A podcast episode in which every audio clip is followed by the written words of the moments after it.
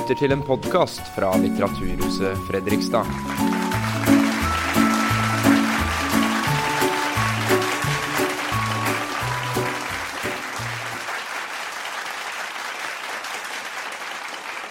How much, uh, uh, how much of, of the former Escobar are, you, are still in you, and uh, how much of the new uh, person, um Sebastian Marroquin, are, are you now? Well, I inherited the chin of my father, you know, something that I. I don't like plastic surgery, so I have to see this every day in the mirror. Uh, but I think that I'm just, I'm just trying to remember the good things, the human values that my father teach me, and of course, my father's life is a big contradiction.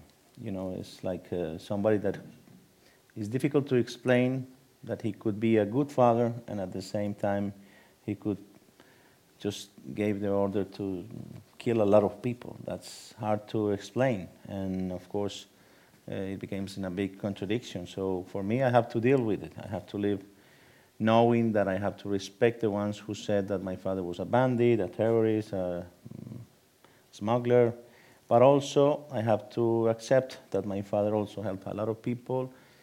But he was, he was, I don't know, he will be always remembered because of his own sins and not because of his good actions as a human being. So, so what's uh, your strongest memories from your, from your father? I think it's, I felt like we were very close friends in a way. We had a good relationship. In a way, he found out, uh, how to uh, make, how to be present in our lives, even if he was hiding, even if he was running away from his enemies, even if we didn't have the opportunity to share a lot of things and moments with him. He always like uh, wanted to be close to us. He just started sending letters and uh, recording. You know, remember the old cassettes, you know, and then uh, he was always like behind us and taking care of us, even if he wasn't at home. How much time did you spend with him during a week or a month? Well, uh, in those times, every weekend at least, we, we, we spent together, but there were some very difficult times that perhaps you could never see him for one, two, or even three months. So it depends on how much pressure he was uh, receiving from his own enemies and the authorities. I know that uh, uh, Narcos is not one of your favorites, but uh, but still, it is uh, it is the way that most people uh, have got to know your father and, and you. So so have a lo- let's have a look at uh, one of the um, episodes. Okay. Yo no me quiero ir, mi amor. Yo no me quiero ir. Pero toca. Para que todos estemos seguros. ¿Acaso hiciste algo mal? Su papá no hizo nada mal. Taking a selfie. Esa es una gente celosa. Y ellos lo que quieren es quitarnos lo que tenemos. Usted tiene que ser fuerte. Yo quiero que usted sea fuerte. Tiene que ser fuerte y nunca demostrar debilidad. Te lo prometo, nunca lo haré. Y cuida a su hermanita.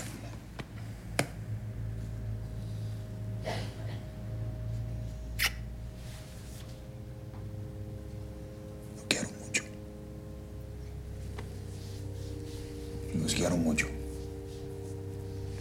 Mamá, Pablo, nada de malcriar a este niño. ¿yo qué hice? Unas arepitas le doy, unos chicharrones. Do you remember having uh, that kind of conversation with your father? Well, they, they should hire a senior, you know, actor to represent me, but yes, something like that. But I may say that uh, the version of my grandmother that you can see in Narcos, I would love to have that kind of lady, but he was very, very different than the way they are portraying her.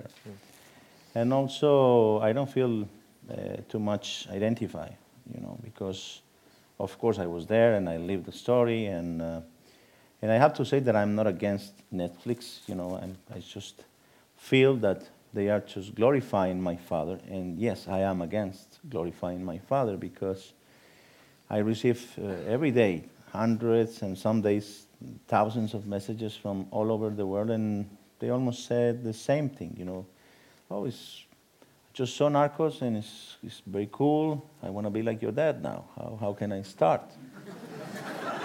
so I'm not selling tickets, you know, for that. So I'm just worried because I receive uh, like a, a lot of fanatics about my father. They make big tattoos in every part of their bodies, and they, they, they, they truly believe that my father is a hero. It's like a superhero.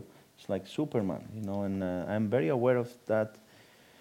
That's not the, the man I, I knew, and even if I love my father so much, I will never dare to say to anyone that they should follow his own steps. You know, I think that we have to be very responsible in the way we are telling the stories to the world because it's funny because in Netflix they are very good with marketing strategies, so they tell to the world, look, this is the true story about Pablo Escobar.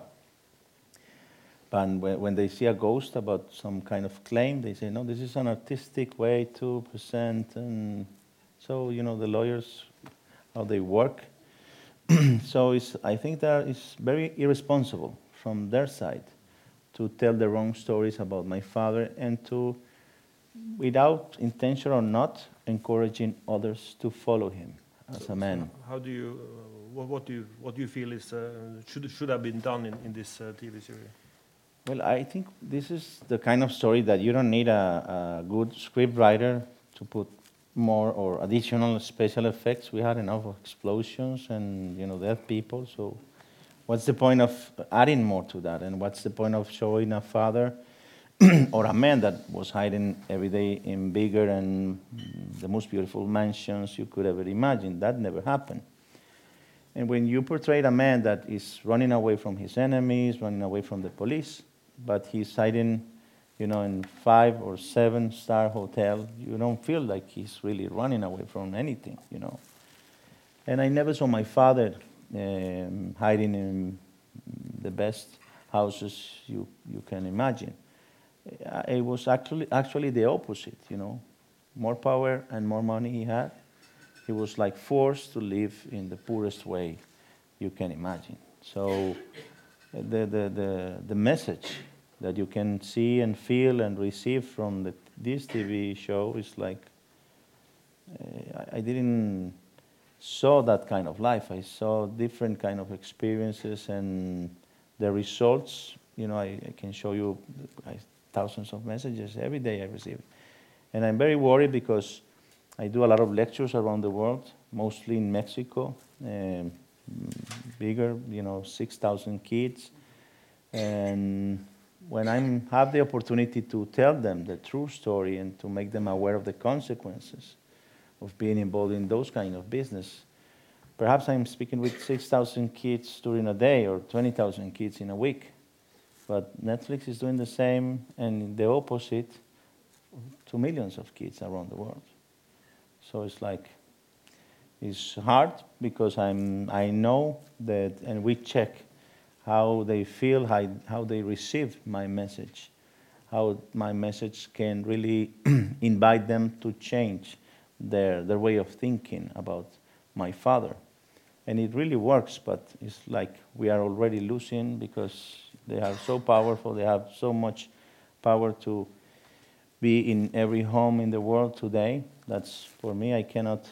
And, and it's surprising because they buy a lot of documentaries, movies about Pablo Escobar, but not mine. I'm just curious to know why. But you were a child back then. Uh, how did you react when you when you realized that your father was a cold-blooded murderer? Well, he was the one who confessed me that for the first time. I was seven years old, and he How told old? seven years old when he told me that he was a bandit, that he was doing that for, for a living, and that he chose to be a bandit for his for the rest of his life. And that happened in Panama in the year 1984 when uh, he already sent the sicarios to kill uh, the Minister of Justice, Rodrigo Lara Bonilla. So we went into exile, and um, I found out that my father, the guy that I, I was with, uh, with him in the poorest neighborhoods in Colombia, and I saw thousands of people, you know, saying, Pablo, Pablo, Pablo, saying in a way thanks to him, you know. So that changed very fast from one day to another. there were no more support, and he has no more power because, of course, he, he chose the wrong path and he sent somebody to kill the minister. So it was, you know, when you have when you are seven years old, it's like it's hard to judge your own father and it's more hard to judge him if you receive only love from his side. It's hard to see that he's capable of doing all of those things. So let's have uh, some, some, some pictures on the screen here. His Tell- favorite picture. Yeah? Yes. Tell, tell us about uh, this picture. Well, I think that these pictures, uh, this exact picture represent how well received was my father in in the years that he has more power than ever. You know, he was always. Uh, I I was flying to the United States a lot with him, and I always remember that they were saying the United States, "Welcome to the United States, Mr. Pablo Escobar," and perhaps he was with me, and for three or four million dollars in cash, he was saying to the authorities, "Look, I have I, I'm bringing all this money to the country. Welcome." Just you know, they allowed him to uh, be part of the, of the country. And I remember that this day we went to the FBI uh, building, and I remember that he used um, fake passport too. And he was like always pushing, you know, always going into the limits, uh, just to have fun in a way. I, I saw him like he was having fun, just pushing the limits every day. Doesn't matter, it was with the FBI, U.S. authorities, anybody. You went, in, you went into the, the building? Yes, yes. It's like he was like he was like infiltrated in the same building that he was supposed to. These guys from the FBI should follow him and capture him, but he was inside the, the, the building, so it's like crazy. That's And here you are outside the, the White, House, White House, of course. But uh, why, uh, why do you think this picture meant so much? Uh, was was so important for your father? But because he carried uh, carried with him uh, all the time. Yes, and even in La Catedral prison, he had the same picture, in big frame. I think it was because that picture perhaps remember him that he laughed so many times about the U.S. government and authorities. It was a way of remembering him that kind of stories, you know, that he was fooling everyone. But you're not welcome in the U.S. today, are you? No, because I'm not a narco.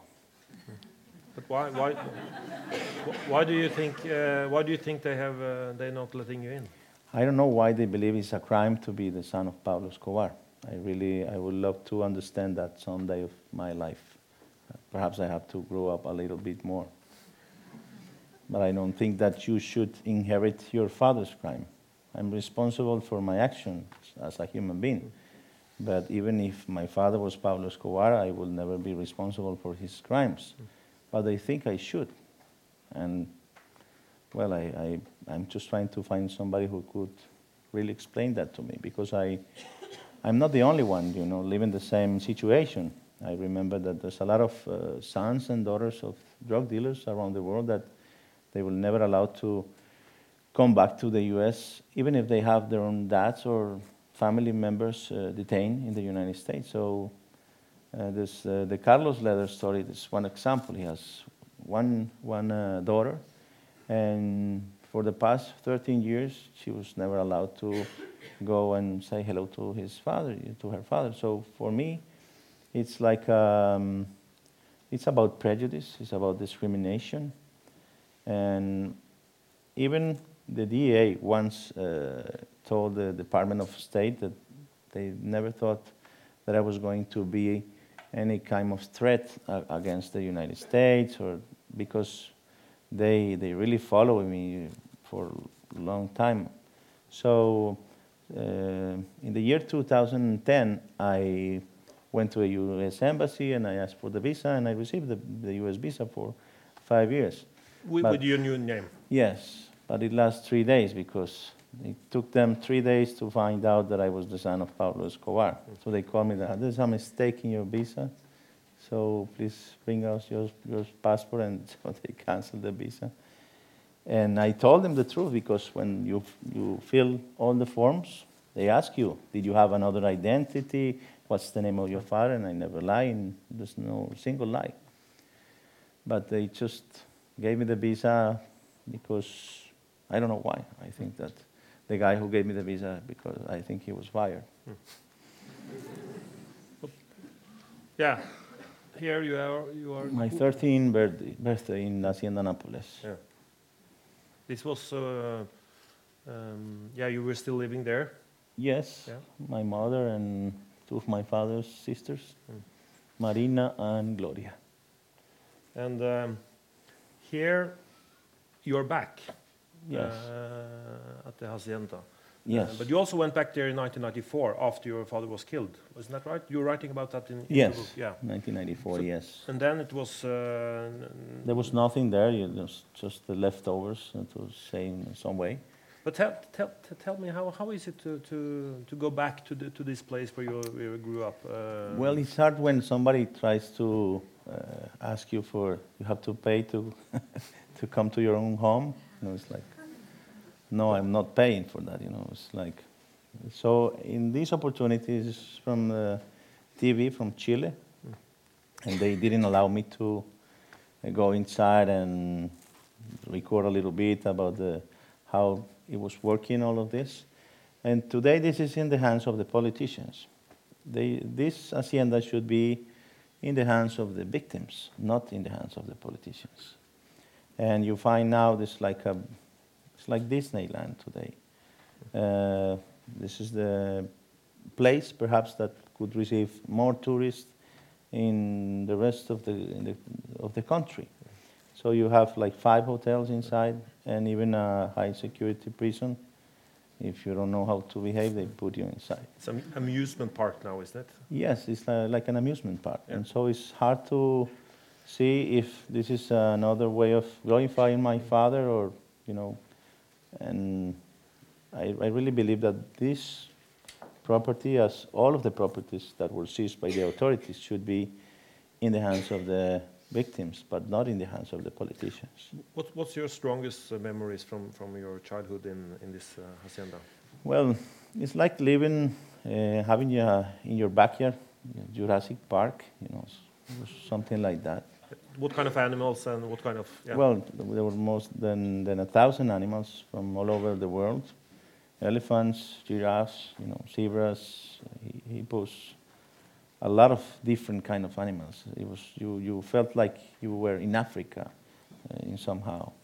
So, and more than a hundred recreational vehicles, uh, uh, a lot of things to do there, and helicopters, airplanes, everything, whatever you need.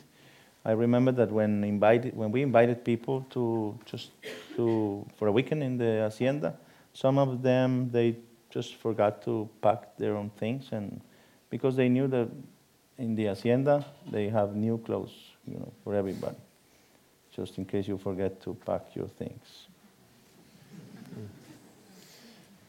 so let's talk about your, your new book. Um, Okay. What is this? Um, what is this book about? Well, I think that, um, as I told you from the beginning, it was my first opportunity to face my father's enemies and to get to know them better and to have the opportunity to uh, chat with them about the relationship between them and my father. Because most of these cases, at the beginning, they were friends, very close friends, even associates. The, the um, uh, Barry Seal case, he was a CIA agent, also a DEA informant, but also he was my father's favorite pilot. We're going to talk about him later. so, Okay. yeah, yeah. And also, um, I had the opportunity to meet with Aaron Seal, his son, in Mexico City, uh, like two years ago. And I proudly say today that we are very close friends, that we managed to uh, survive our own father's sins. And yes, that's Maurice Seal. And he, he really surprised me, Aaron, because he, I thought that I knew something about Yeah, forgiveness. but, but, but first of all, uh, who is this person? I mean, for, for the. Well, it's Barry Seal, as I told you, CIA agent, and he really helped uh, my father a lot to, and he was the only guy who also uh, had some evidence, uh, photographs about my father. Uh, he took some uh, pictures of my father in the exact moment in Nicaragua. This is one of them.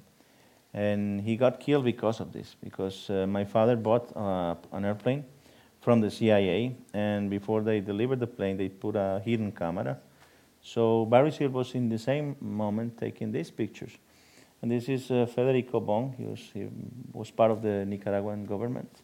And I don't know the, these two guys, but there's some other, uh, the same pictures, different situation. You see even soldiers helping uh, to bring to the airplane the cocaine. So it's like for the world, they presented these pictures as the real evidence against Pablo Escobar. But for me, I don't see it that way.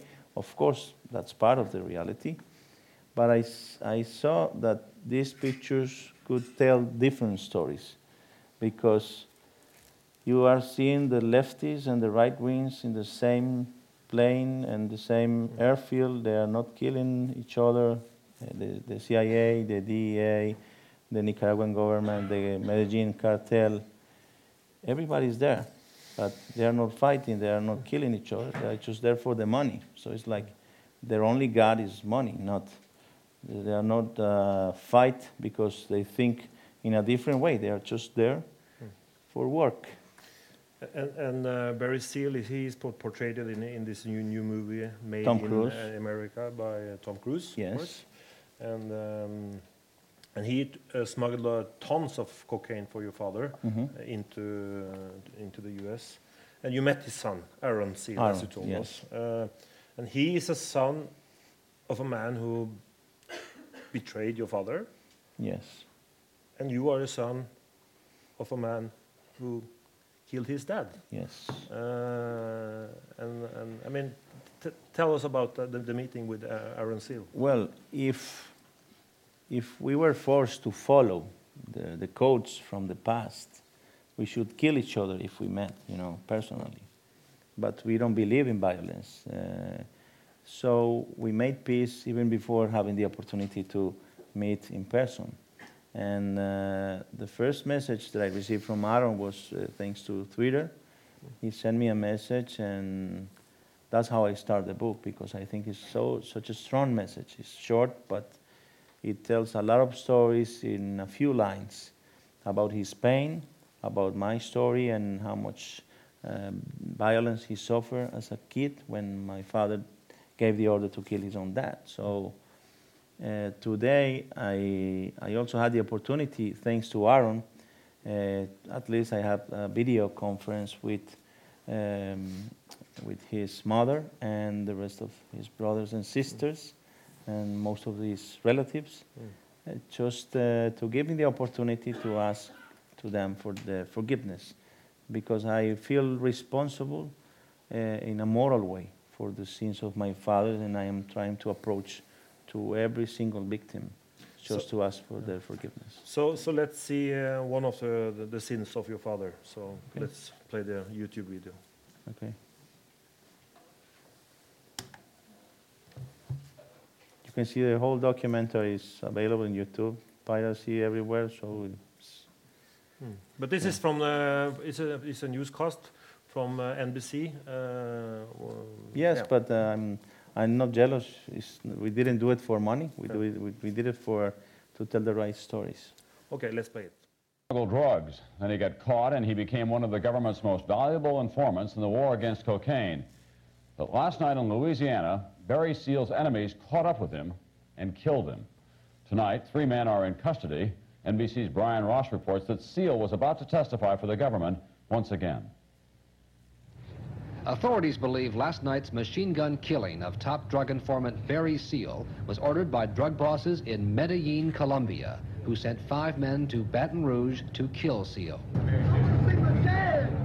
Seal's son, Barry Jr., one of five children, was restrained by police, who said the gunman had waited in ambush for Seal at a Salvation Army shelter, where Seal had been sentenced by a federal judge on a drug charge to do community service. Seal was a tough guy TWA pilot who got caught smuggling cocaine and became one of the most important and daring undercover operatives, infiltrating the top Colombian drug operations. In a recent interview, Seal said he knew he was risking his life. The old saying, if you can't stand the heat, don't work in the kitchen. I can take the pressure. It was Seal who posed as a smuggler and flew into Nicaragua and took these pictures showing Colombian drug dealers and Sandinista officials loading cocaine on his plane. Seal busted up the Colombian connection in the Caribbean country of Turks and Caicos, setting up a payoff meeting on videotape that led to the arrest and conviction of the country's prime minister. And Seal was scheduled to be the key witness against this man, Jorge Ochoa, the top Colombian drug boss, now in jail in Spain, about to be extradited to the United States. Authorities say the Ochoa drug organization was responsible for the bombing of the U.S. Embassy in Bogota last year, the assassination of Colombia's Attorney General, and now the murder in Louisiana of the man who was perhaps the most important undercover drug informant ever. Brian Ross, NBC News. Yeah, it's a story. How did you ever meet Barry Seal? Only once. Uh, I saw him because my dad told me we were in the Hacienda Nápoles. He was like uh, having trouble to bring to the Hacienda all the animals he bought because uh, the, the airstrip was like 900 meters long and the, the airplanes needed like more than one, 1.2 kilometers. So Barry Seal said, I can just land there, no problem. And he told me, look, son, let's go and see this crazy gringo because I don't know what's going to happen, but he says that he doesn't need more than 900 meters to stop the plane.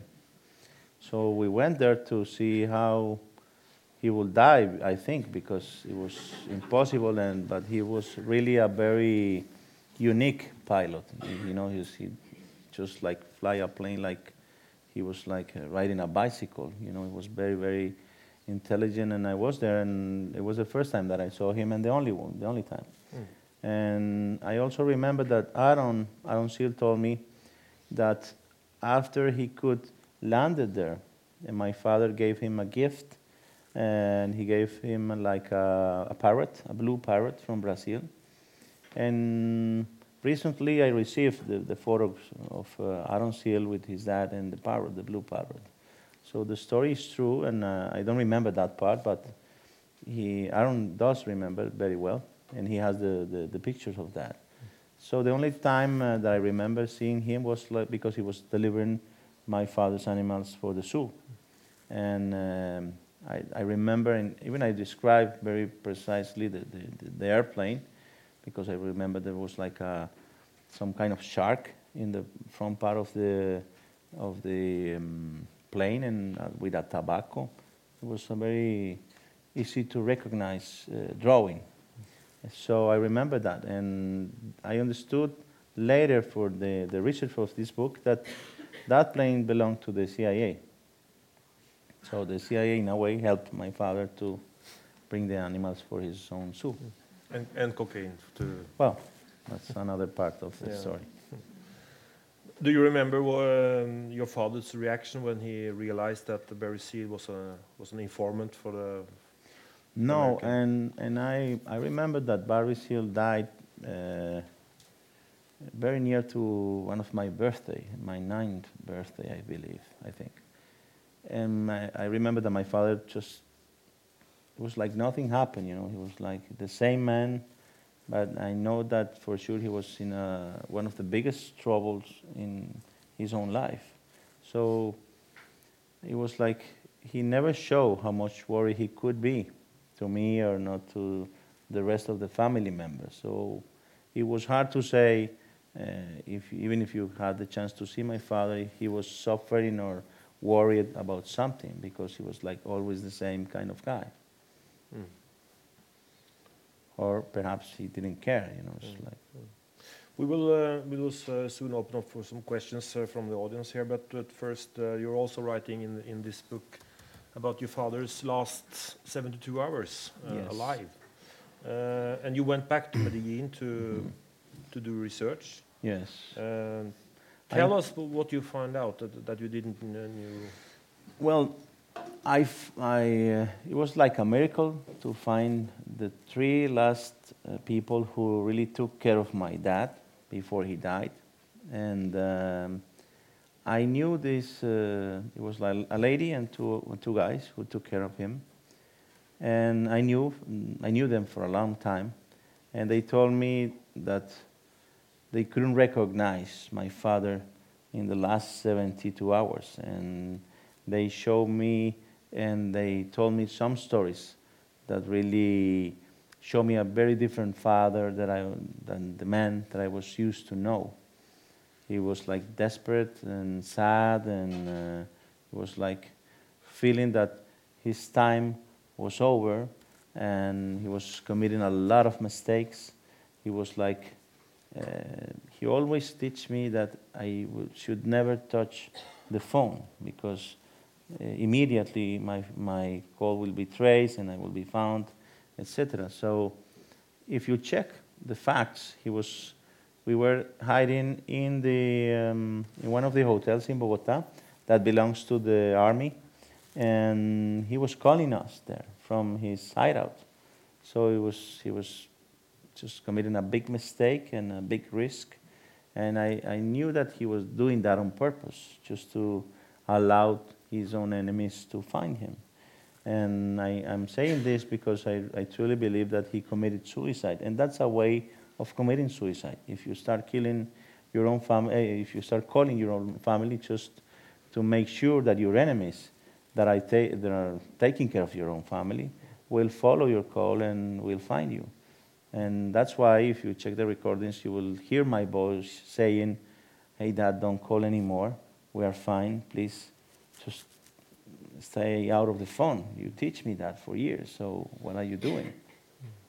You think that, you think that he were tired of living? I think that he, hiding? he understood that when we tried to escape to Germany, and when the Germans said, no, we are not going to You and your allow- mother, yeah. Yes, and my little sister. Uh, he understood that all of the doors of the whole world were going to be closed to his family, and the only way out was to kill himself. And the government, the Colombian government, was saying to the world, "We are taking care of uh, Pablo Escobar family. We are just protecting them," but that wasn't the truth. We were hostages of our own government. You know, if I call the police uh, to ask for some help, they will send somebody to kill me, not to protect me. So that's a different story.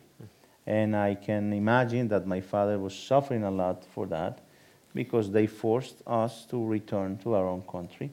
And this is not something that I'm just inventing. You know, I, I saw even my uh, former president of Colombia, Cesar Gaviria, recognizing that, that his biggest uh, regret of being a president was to force Pablo Escobar family to be like a, a bait to catch him. Let's play another clip from, uh, from Netflix. Do you have the permission of Netflix? Because perhaps they will sue you.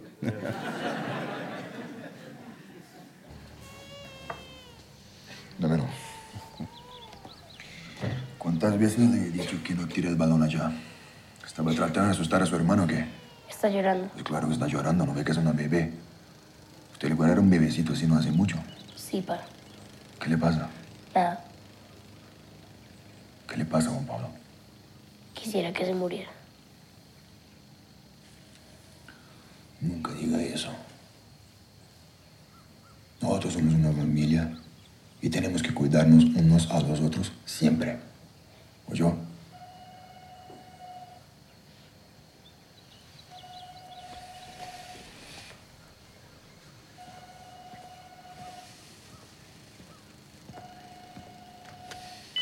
Just for the record, I don't remember this oh. part. Yo, primo, parece que Veneno se quebró unos tombos. Sí, dale, pero ¿cuántos? Dos. Sí, pero dos que, dos sargentos o oficiales. No, pues oficiales, voy a conocer a Veneno. Oficiales, un millón cada uno. Listo, entonces dos millones, ¿cierto? Tranquilo que yo estoy apuntando aquí. Listo, yo le digo. ¿De qué hablas? De negocios nomás. Yo también quiero ser un hombre de negocios como tú.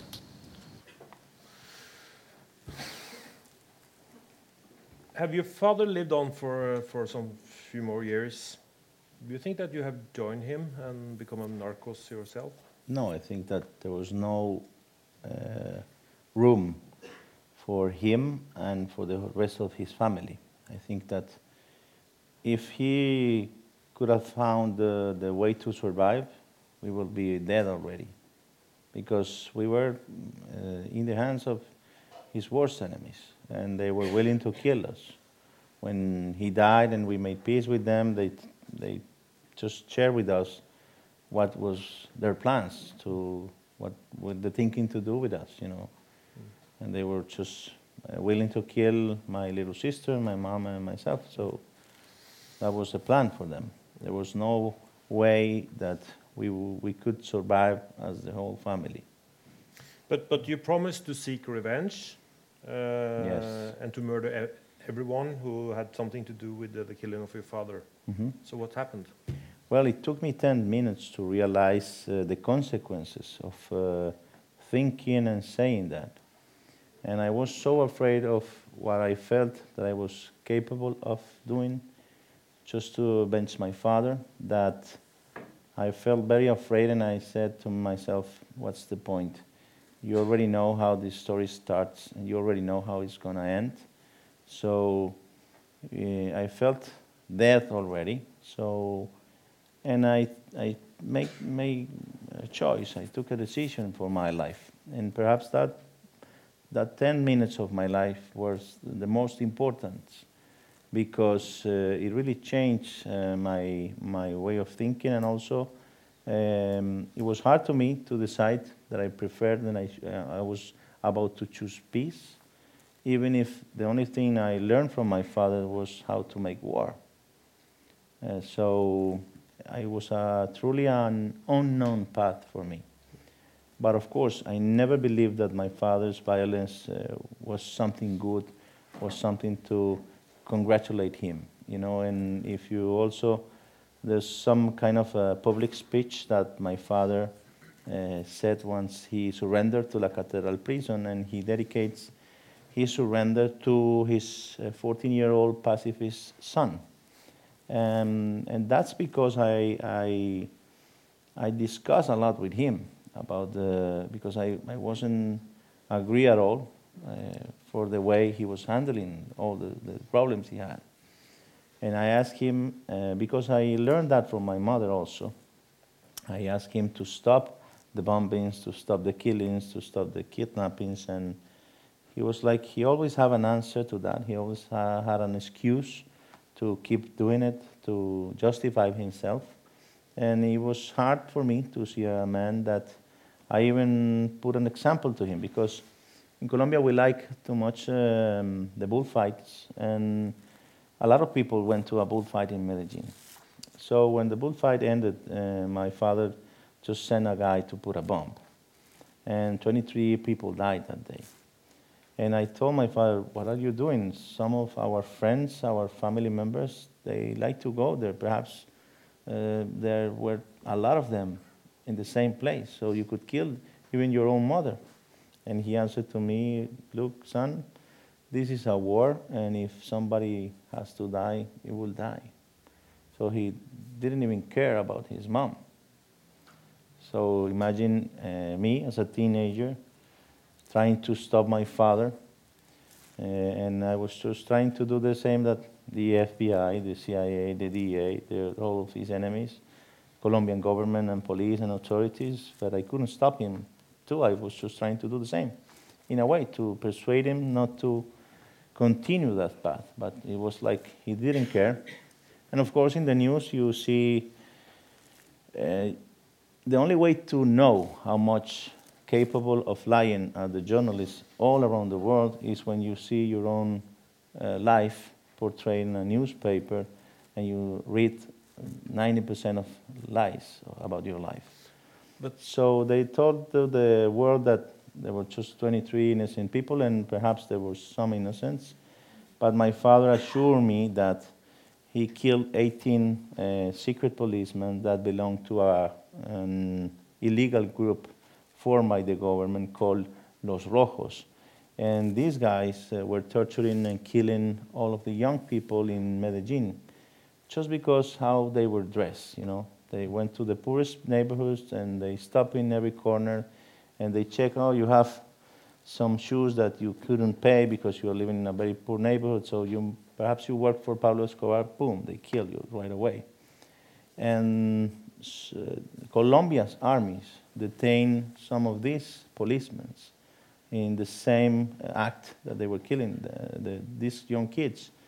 I remember it's, it was called the massacre of Villatina, and even Colombia is convicted as, uh, as a state for doing that. So my father was like feeling that he was doing the right things, just trying to kill these guys that were killing young kids all over the, the country. did they listen to anyone at all? No. Okay, let's bring in, uh, bring in the audience here. Uh, one of the persons here in Fredrikstad that uh, with best knowledge of uh, Colombia is Mr. Peter Skaven. He worked uh, as a dip- he have been working as a diplomat uh, in, in in the region for decades. So, Mr. Skaven, how do you remember the 80s and the 90s, as we we hear about now?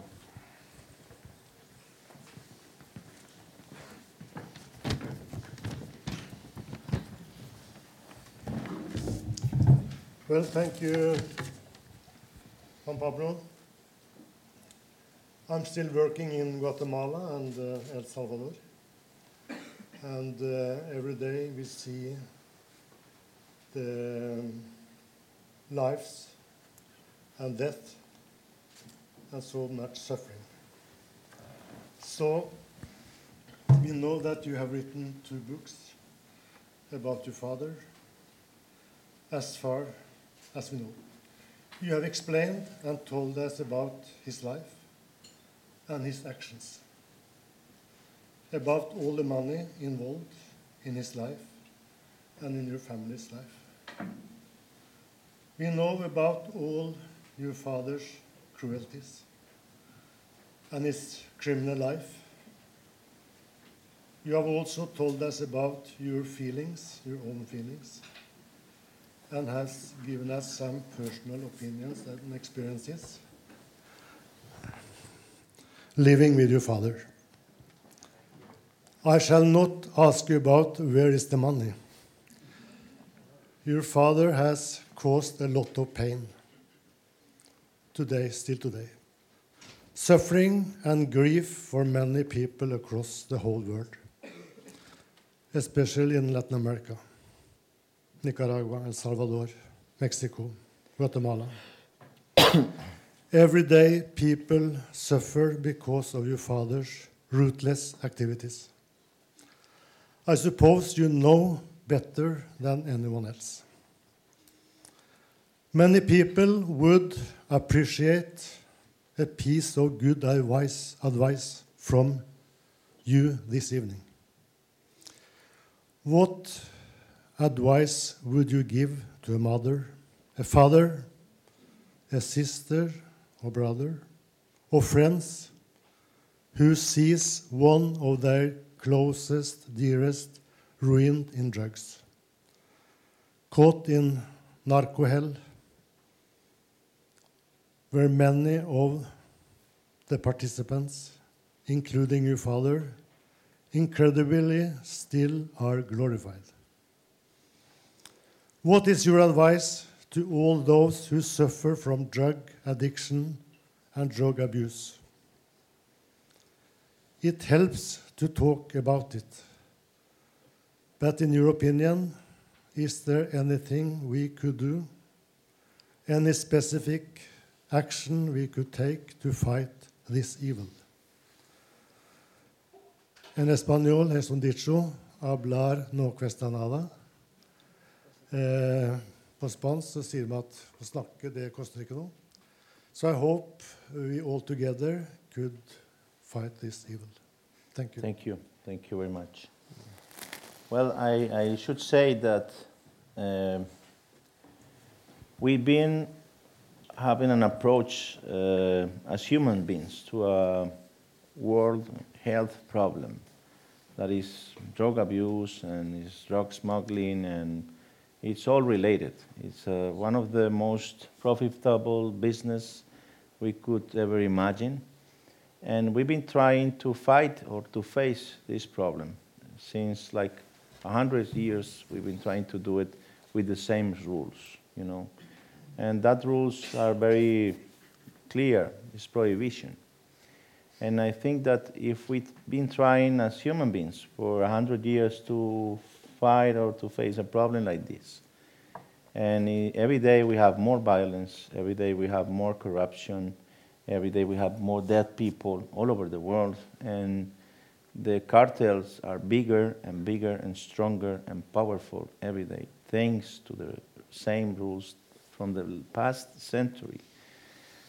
I think that it's at least time to give us the opportunity as a society to talk without the taboos, to talk freely, and to speak about what we felt, about what we learned from this part of the stories. And I absolutely, I I'm not trying to say that my father is a victim of the prohibition. What I'm trying to say is that we are all victims of that as a society. And what I'm trying to say, and this is my very, very personal opinion, is that drugs for me are already legalized. And, and let me say why. Because all of our kids can have access to drugs in their schools, in the streets, even in internet. It's very easy to find drugs and to find somebody who could deliver drugs even to your own home. Now it's so, the, the business works so well that you don't have to go to a poor or a dangerous neighborhood to buy drugs. They will just deliver your drugs, what you want, what you ask, to your own home. So today, I think that we are um, not giving enough room and enough power to education. And I think it's the cheapest, the fastest, and the most powerful weapon we can ever use to face this problem that we have as a society today. It's like it's still a taboo. I travel to a lot of countries, and I always, when I have the opportunity, I ask to the youngest if how many hours during the week they speak with the teachers about the drug abuse, about drugs, about crime, because uh, the school is, is there to help us how to face life when, when we go out. But uh, it's like we, also as a fathers, uh, we, are, we are not prepared to speak with our, our own sons how to face these problems when, they, when some of uh, his own friends offer to them drugs to try them. So we are living in a world that we don't want to speak about those things. And I really don't believe that we should keep using the same formula because I think it's, we are intelligent enough as humans to be very aware that if a politician promised to us that he will fight the drug cartels and he will just send them all to prison and he will kill him, as we saw many leaders today assuring to the population that they will just win the war. We've been waiting for that for the past hundred years. And I think the, the war on drugs is lost like by knockout, to use a boxing term, now that we have a gentleman that trained boxers. And um, I think that really we have to think twice if we are doing the right things. And I think this is a health problem. And we are trying to use machine guns to solve a health problem. I, I think that we have to uh, find some room and some time just to check if we are doing the right things, if we have the right laws. And I think that the politicians should be more committed to guarantee peace to their own people. And I think they are intelligent enough to know that the best way to guarantee war, destruction, the lack, every day more lack of human values, uh, no respect at all for life, um, it's like they are all there just for the money. They don't care about um, only how rich, how could they be, thanks to prohibition. And I'm, I'm a little bit tired of seeing and like in the reading in the news that the authorities present, okay, we got El Chapo. Now there will be no more drug trafficking business in the world. Come on. It's like, and I, yesterday I read a very old newspaper. It was published like a week after my father died. And there was a big headline in the front page that says, a big question. This is going to be the end of the drug trafficking business in the world because Pablo Escobar died. No, it just became bigger and better for a lot of people. He just left the room for thousands of new drug dealers and small cartels. Very difficult to know who they are. Now there's no more only poor people uh, dealing with this kind of uh, business. Now we have uh, the biggest industries and also uh, very well-known businessmen that are, suddenly they are involved in the same business because it's very profitable. And I think that prohibition, for me, is the biggest act of irresponsibility.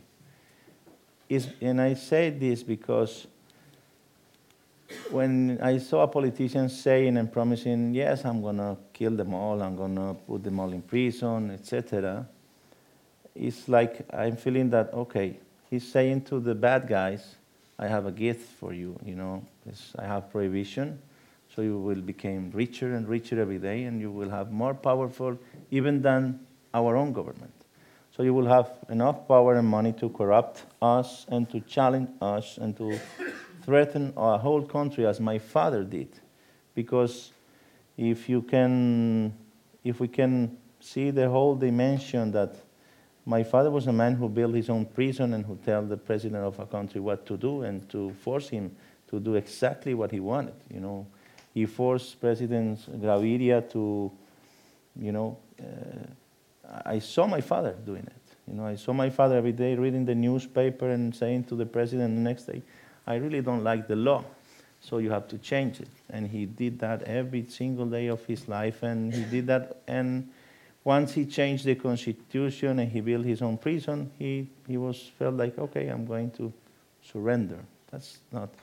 It was Colombia that was surrendered to my father, not he. He was doing the, the opposite. So I think that we should at least give us the opportunity to check if we are doing and if we are facing this in the right way, because there's no, no, no authority in the world that could say that we are going, we are doing great with, with this world. We are really having a lot of uh, results. And the Cali cartel disappeared.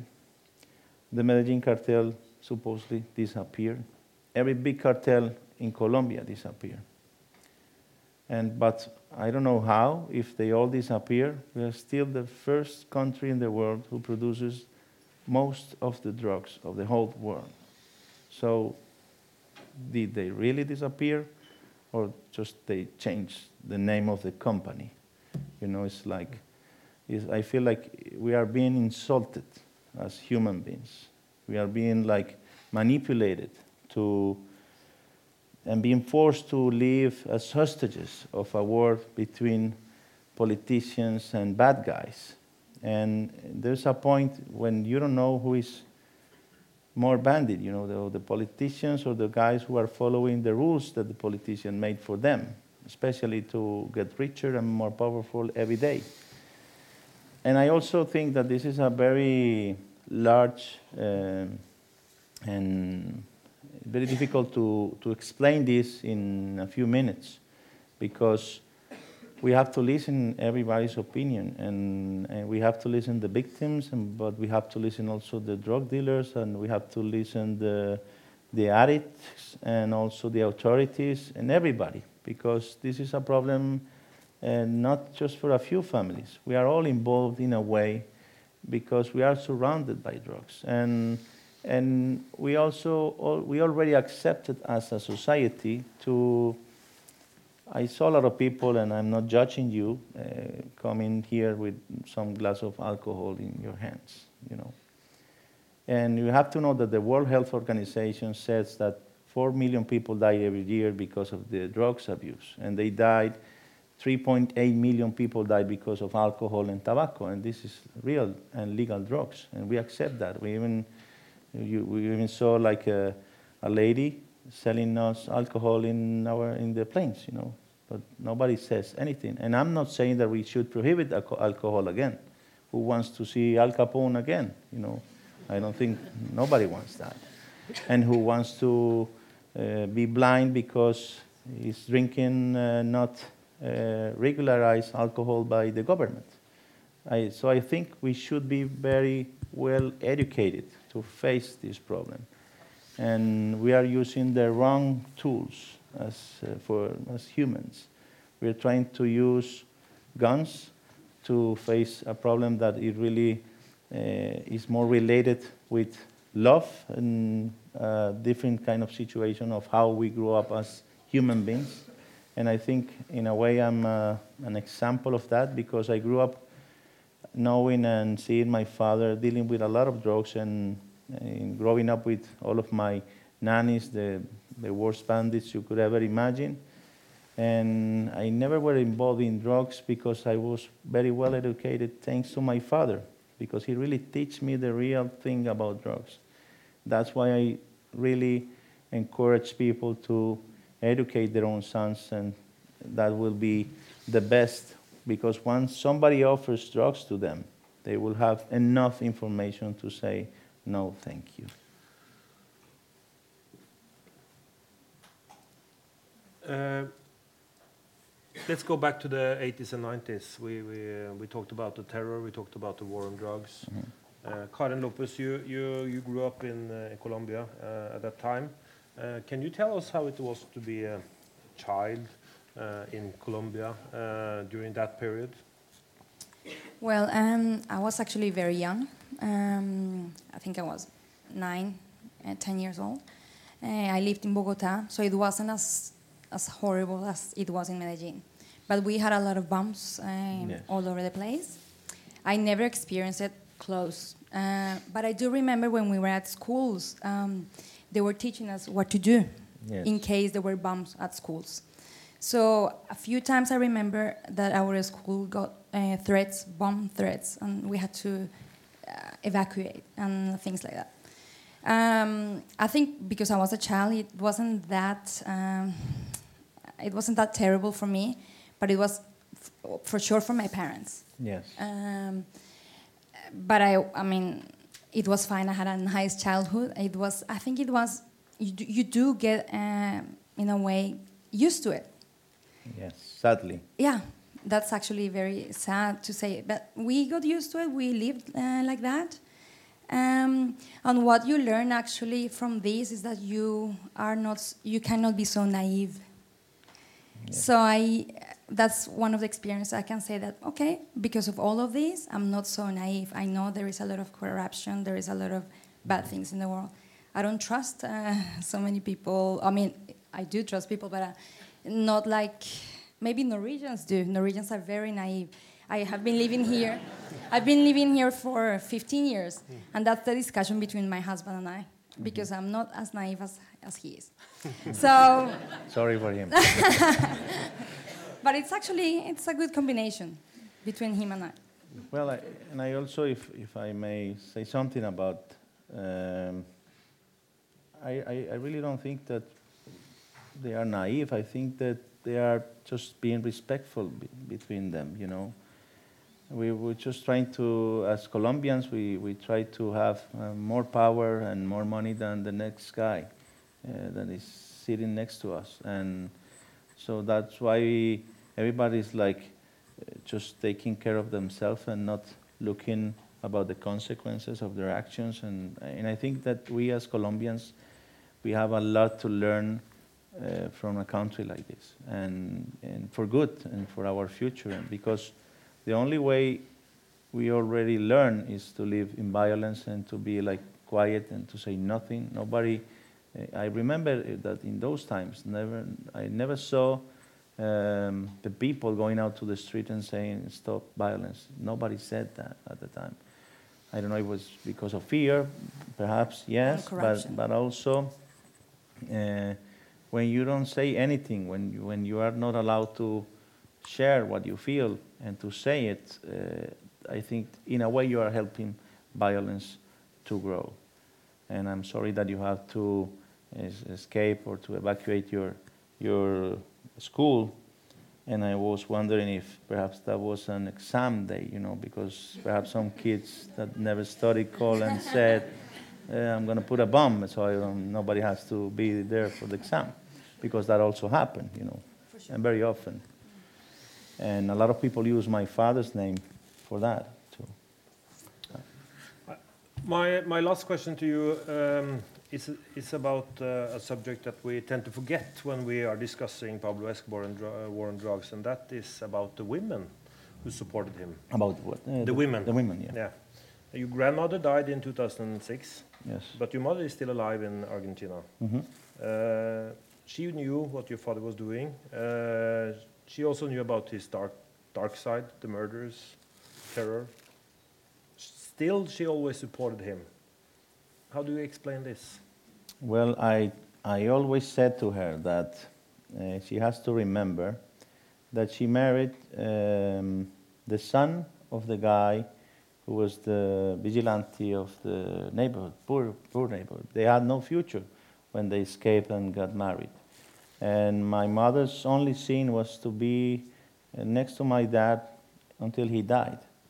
But he never supported him in uh, his crimes. She never uh, allowed him to bring this violence home. And she was living in a very, and still we are a very macho country where women are not allowed to say anything, where women are just, they are just look like objects, uh, you know. So I remember my father telling to my mom, I don't want to listen to any kind of opinion that you have. Just you don't you don't know anything about what I'm doing, so don't say anything.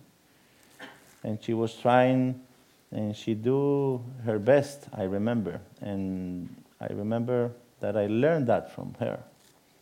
She tried to stop my dad as long as she could, but if the FBI, the CIA, and the DEA together couldn't stop my dad. Imagine an old and uh, young lady in Colombia that was forced to live with him, you know, in a way, because when they got married, my father didn't have a future, and he wasn't the guy we see in Narcos. You know, it's not the guy.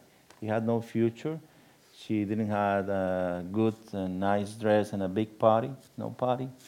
So there was no cake, there was no photos, there was nothing.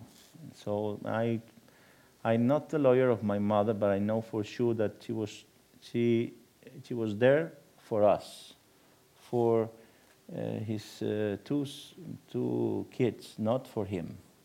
And she stayed uh, there because she was saving our own lives, and she did that once he died.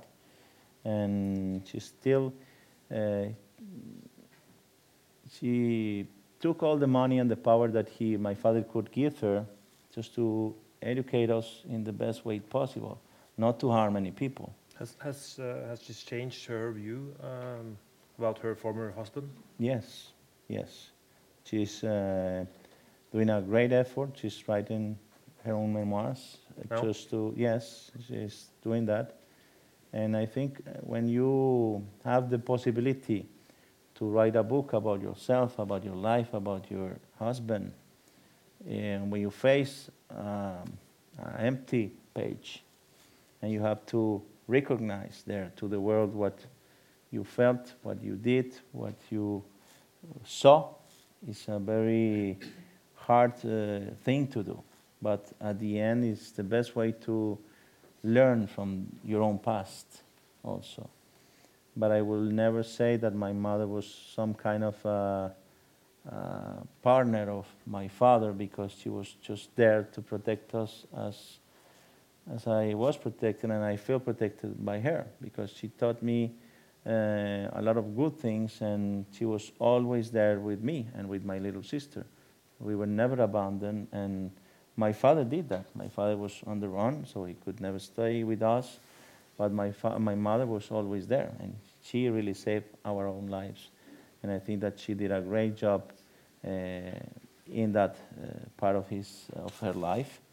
And I remember that when we um, uh, presented this, the documentary Sins of My Father, I received one of the big posters, and I just give one of them to, to her. And I, I just put a sentence and, as a gift for her uh, to my um, teacher about forgiveness or something like that. It's not the exact translation. But uh, because I recognize that uh, I am a good man thanks to her actions and thanks to her love, thanks to her education, and thanks to the, all the love and protection that we receive from her as a woman. And I think that she has the opportunity to be listened and to be respected as, you know, um, even my father's enemy respect her a lot. And that's why she didn't die and she wasn't killed. And it was very easy for them to kill her. And they said to her that they will never kill her because they always remember when they were trying to catch my father and to kill him, they found uh, letters, recordings, phone calls, a whole of, a lot of things, and they remember until the last day that she never asked my father to be a violent man. She asked the opposite. She asked and she begged to my father to make peace with all of his enemies, not to kill them all. Mr. Juan Pablo Escobar, thank you so much for coming to Thank you. Thank you.